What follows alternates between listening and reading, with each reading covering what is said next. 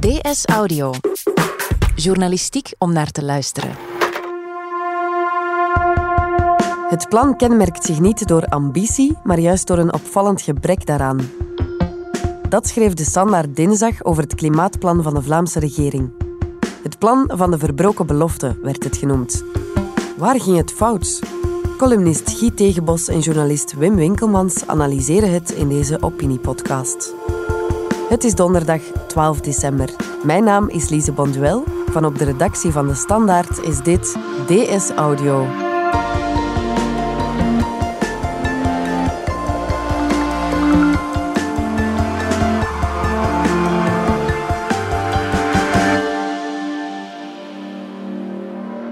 Wim Winkelmans, politiek redacteur en Guy Tegenbos, uh, columnist. Minister van Energie, Zoal Demir van N-VA, is afgelopen maandag afgereisd naar de VN-klimaatop in Madrid, die al een tijdje bezig is. Waarom vertrok ze pas deze week? Omdat ze pas deze week een klimaatplan heeft.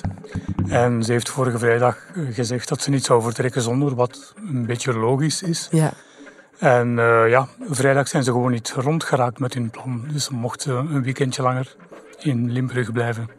Waar moest dat plan dan aan voldoen om te worden goedgekeurd? Europa heeft uh, in het klimaatakkoord van Parijs uh, zich toe verbonden om de CO2-uitstoot met 40% te verlagen. En die cijfers zijn dan per land herrekend. En voor Vlaanderen kwam dat neer op 35 procent. Maar dat uh, hebben ze niet gehaald. Ze zijn maar aan 32,6 uh, geraakt. -hmm. Ja, je zei ook, uh, de Vlaamse regering heeft een weekend uitstel gekregen. Waarom is het eigenlijk niet gelukt om dat plan voor het weekend goedgekeurd te krijgen? De simpele versie is, uh, we zaten helemaal niet aan 35 procent. We zijn trouwens ook niet geland op 35. Maar vrijdag zaten we zelfs nog niet aan 30 procent. We zaten aan 29. En uh, toen hebben liberale ministers nog een aantal voorstellen op tafel gelegd om dat cijfer toch nog enigszins presentabel te maken. Die voorstellen moesten doorgerekend worden en dat lukte niet op één dag. En dat is eigenlijk de reden waarom, dat het, waarom er nog een weekend is overgegaan. Mm -hmm. Dus de komende tien jaar moet de CO2-uitstoot in Vlaanderen met 35% worden verminderd. Mm -hmm. Hoe ambitieus is dat? Zeer ambitieus. Als je kijkt naar wat we de voorbije jaren hebben gedaan.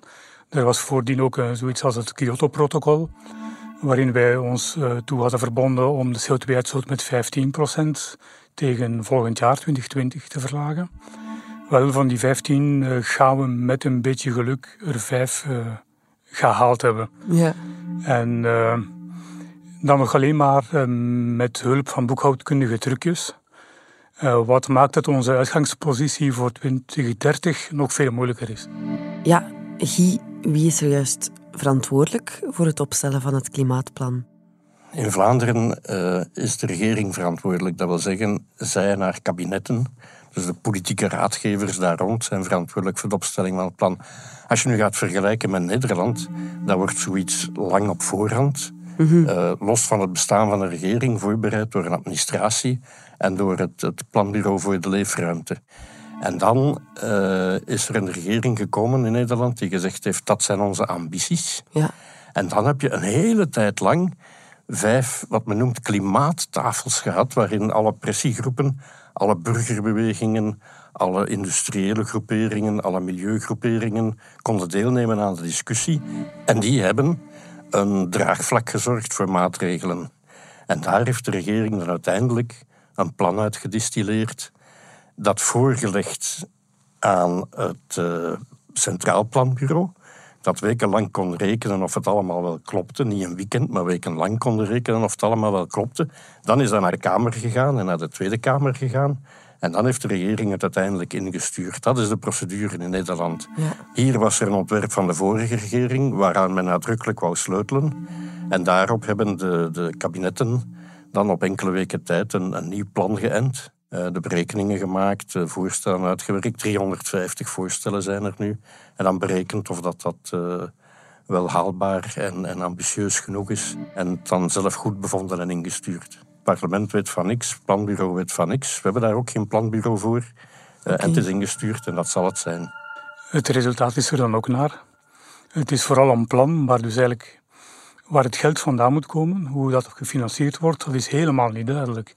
Eigenlijk staat er uh, ongeveer letterlijk in het plan, dat is voor later, dat gaan we nog wel eens doen. Maar dat maakt ook wel dat het uh, moeilijk heel ernstig te nemen valt, of niet, toch niet zo ernstig als we dat zouden kunnen doen met het Nederlandse plan.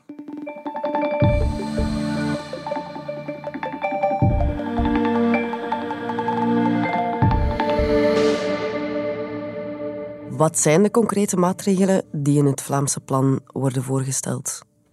Dat zijn dan vooral maatregelen op het vlak van wonen en transport. Dat zijn eigenlijk de belangrijkste bevoegdheden die Vlaanderen heeft. En dan gaat het over trager rijden op de snelweg, daar is al veel over geschreven. Mm Gratis leningen om je huis te renoveren. Het aanmoedigen, maar niet verplichten dus, van uh, een renovatie na verkoop. Of uh, het stoppen van stookolieverwarming op termijn. Ja. Dat zijn zo wat uh, bekende maatregelen uit het plan. Ja, met die maatregelen halen we de 35% CO2-reductie dus niet. Nochtans, in het Vlaams regeerakkoord had de regering Jan Bon een paar weken geleden beloofd om voluit te gaan voor het effectief realiseren van de afgesproken doelstellingen. Dat is dus een belofte die ze niet houdt. Maar waarom lukt dat dan niet? Wel, zij zegt nu, uh, we zitten al aan 32,6 en op termijn gaan we wel aan 35 geraken, want er zit nogal allerlei technologische vernieuwing aan te komen. Uh, er zijn een aantal voorbeelden gegeven van pakjesdiensten die met drones werken en dat soort dingen, of zelfrijdende auto's, waarvan het uh, klimaateffect mij niet helemaal duidelijk is. Maar men rekent dus op technologie om het op te lossen. Maar dat betekent wel dat op dit moment, met het plan dat nu voor ligt, men niet aan 35 geraakt. Dat men zou, zou men eigenlijk beter op die manier ook zeggen. Maar de diepere oorzaak is dat men geen systematische aanpak heeft zoals in Nederland. Men bereidt aan die wetenschappelijk voor. Men zet daar heel knappe koppen op. Hè. In die kabinetten zitten knappe koppen. Maar men zet die op een verkeerde manier in. Je maakt zo'n plan niet op enkele weken tijd op basis van een plan van een vorige regering dat je wil afschieten en, en dan op enkele weken tijd een nieuw plan maken. Dat is onzin. Je maakt zo'n plan niet voor de komende tien jaar als je daar geen grondvesten voor hebt gemaakt in de samenleving. Als je niet overlegd hebt met de pressiegroepen, als je niet hebt overlegd met de, met de burgerparticipatiegroepen, als je niet hebt overlegd met de industrie. Nu zegt men, allez, stuurt uw wensen maar in, we zullen daar wel rekening mee houden. En dan op enkele weken tijd maakt men de synthese en dat moet het dan zijn. Dit is geen goede manier van besturen. Het, uh, het begint eh, bij een duidelijke visie op waar je naartoe wil. Ja. Wil je met Vlaanderen uh, voorop lopen in de klimaattransitie? Willen we in, over tien jaar uh, onze welvaart veiligstellen? En op welke manier willen we dat doen? Als je daar een duidelijke visie op hebt, dan volgen de maatregelen vanzelf. Nee, wij doen dat anders. Wij spreken eerst af welke maatregelen dat we misschien zouden kunnen nemen. En dan bepalen we onze ambities hm. niet verder dan tot waar we geraken. Wij nemen maatregelen die zo weinig mogelijk pijn doen. Ja. Hm. Ja. En hopen dat we daarmee gedelibereerd geraken. Is Vlaanderen bang dan om uh, onpopulaire maatregelen te nemen? We zijn bang om draagvlak te verliezen of dat we ja, onpopulaire dingen doen, absoluut. Maar dat kan contraproductief uitdraaien. Misschien moet je af en toe eens durven je nek uitsteken, laten zien waar je naartoe wil en volgen de mensen dan wel. Alleen is dat een manier van denken die in onbruik is geraakt in de politiek. Mhm. Het leiderschap is een beetje weggesmolten. Wat is dan het verschil met Nederland? Op welk vlak hebben zij dan wel drastische maatregelen genomen? Wel, zij zijn drastischer in het terugdringen van de snelheid op de autosnelwegen bijvoorbeeld. Ja. Ze zijn drastischer in, in het beperken van, van de bouwmogelijkheden. Ja. Vorige regering had bij ons een, een bouwstop ingelast tegen 2040, geen bijkomend beton meer. Maar dat is ook gesneuveld op het altaar van de populariteit. In de landbouw is men ook strikter in Nederland dan bij ons op dit ogenblik. Mhm. Dus er zit wel een, een uh, er zit meer visie in Nederland. Mhm. En uit die visie volgen duidelijker dingen. Mhm. Terwijl bij ons heeft men geen visie. En plakt men een aantal maatregelen die men haalbaar acht en waar men niet te veel protest over verwacht aan elkaar. Dat is eigenlijk het verschil in aanpak. Om onze Nederlandse vrienden toch niet te hoog te laten vliegen. Ze hebben natuurlijk wel iets dat wij niet hebben, dat is ruimte op zee. Hm. Die, die hebben veel meer plaats om windmolens te zetten dan wij hebben. Wij doen wat we kunnen, maar we hebben natuurlijk niet de duizenden vierkante kilometers op zee die zij hebben. Mhm. Wat het voor ons effectief veel moeilijker maakt om een, een, op het vlak van de hernieuwbare energie hoge toppen te scheren. Ja, dat klopt. Objectief zitten wij in een slechtere positie dan zij.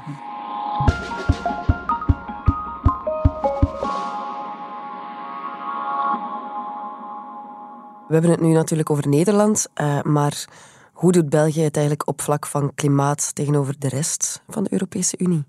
ik denk dat ze duidelijk beneden het gemiddelde zitten. Ja. We moeten niet idealiseren. Hè? Dus Nederland is ook niet het, het, ideale land. De andere landen zijn ook niet ideaal. Maar wij zijn echt toch wel aan het knoeien op een aantal vlakken. En dat is echt niet, we zijn echt niet goed bezig. En we bouwen die reputatie in, in Europa op voor verschillende vlakken. Hè. Begrotingspolitiek is idem dito. Hè. Daar zijn we ook aan het knoeien. Mm -hmm. het klettert, zitten we ook onder de normen. Mm Dit is echt niet goed. Als je ons vergelijkt binnen Europa, we zijn echt de slechtste klimaatleerlingen bijna. Waarom zijn wij zo laks? We hebben een goede bestuurscultuur, dat is het punt. Dus we hebben niet de traditie om systematisch aan bestuur te werken. Ja. We lappen wat in elkaar eh, en we zeggen dat zal wel goed zijn, zeker. Men belooft vaak van dat te gaan veranderen. En ook nu, minister-president Jan Bon zegt we gaan naar het noorden kijken om ons te laten inspireren wat bestuur betreft. Maar ik heb er nog niet veel van gezien. Dus dit is een oude, eerder Latijnse gewoonte van uh, ja, vrij, vrij laks, vrij incrementeel heet dat in het vakjargon te werken. Uh, hier iets, daar iets, nog iets bij elkaar pakken en, en dat is ons beleid. Mhm. Willen we voorop lopen of willen we meelopen? Uh, Vlaanderen heeft wel, een, België ook, een cultuur van meelopen. Maar zeker niet te ver voorop, want ja, dat kan verkeerd uitdraaien. Dat kan veel geld kosten. Ja. En als dat dan ooit is gebeurd, dan krijgen we daar heel veel kritiek op. Is het ook niet ideologisch? Ja, ehm, het zou niet ideologisch mogen zijn, want het klimaat is, heeft geen kleur. Maar het is wel een thema dat wordt gekleefd op linkse partijen. Ja. Uh, groen uiteraard en rood. Maar het is evengoed een, een economische zaak. En een zaak van uh, voorbereiden van de economische toekomst. Dat is iets wat bijvoorbeeld op een VLD meer en meer begint in te zien. En zij zitten ook veel meer op die lijn dan, uh, dan bijvoorbeeld NVA. En de critici van het beleid zitten niet alleen bij de milieubewegingen, maar ook bijvoorbeeld bij, bij de grote baas van BASF in Antwerpen. Hè, dus de, de voorzitter van VOCA, voorzitter van de Werkgeversfederatie, die nadrukkelijk kritiek heeft dat men niet ver genoeg wil gaan. Mhm. Wat ook ideologisch is, is het polderen. Daar zijn de Nederlanders natuurlijk heel goed in. Ze hebben ook eindeloos gepolderd. Maar dat overlegmodel is niet iets uh, dat uh, deze coalitie zo heel erg genegen is. Of toch niet alle partijen in deze coalitie. Mhm. Nee, dus het polderen, het, het, overleg plegen met, met alle middengroepen, met alle pressiegroepen in de samenleving. Terwijl op dit ogenblik in de huidige coalitie de weerstand daartegen relatief groot is. Alleszins bij twee van de drie partijen.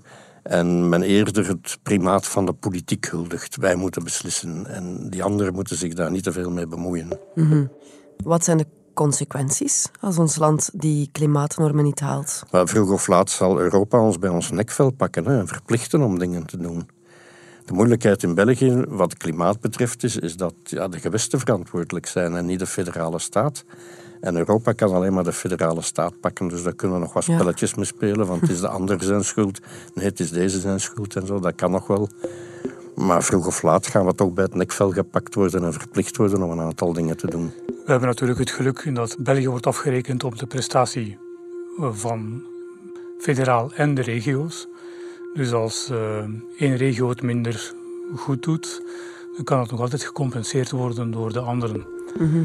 Op basis van de plannen, ik zeg wel de plannen van uh, Brussel en Wallonië, gebeurt dat ook. Ze leggen de lat veel hoger. We zullen zien of ze ook over die lat geraken. In elk geval voor die 2020 riskeren we wel een boete van een kleine 80 miljoen omdat we de doelstelling niet halen. Wim Winkelmans en Guy Tegenbos, dankjewel. Graag gedaan. Alsjeblieft. Dit was DS Audio. Wil je reageren? Dat kan via dsaudio.standaard.be. In deze aflevering hoorde je Wim Winkelmans, Guy Tegenbos en mezelf, Lise Bonduel. Ik deed de redactie samen met Anna Korterink. Anna deed ook de eindredactie. De audioproductie was in handen van Brecht Plasgaard. Brecht schreef ook de muziek die je hoorde in deze podcast. Chef audio is Wouter van Driessen. Vond je deze podcast interessant? Weet dan dat je er elke werkdag één kunt beluisteren. Dat kan via de DS Nieuws app of via standaard.be-audio. Je kunt je ook abonneren via iTunes, Spotify of de podcast app van je keuze. En als je daar dan toch bent, schrijf gerust een review. Zo toon je ook anderen de weg. En we vertellen met de standaard natuurlijk niet enkel in onze podcasts over wat er in de wereld gebeurt. We doen dat ook in de krant en online. Benieuwd naar een abonnement? Ga dan zeker eens kijken op standaard.be-voordelig. Daar ontdek je ons aanbod en onze promoties. Morgen zijn we er opnieuw.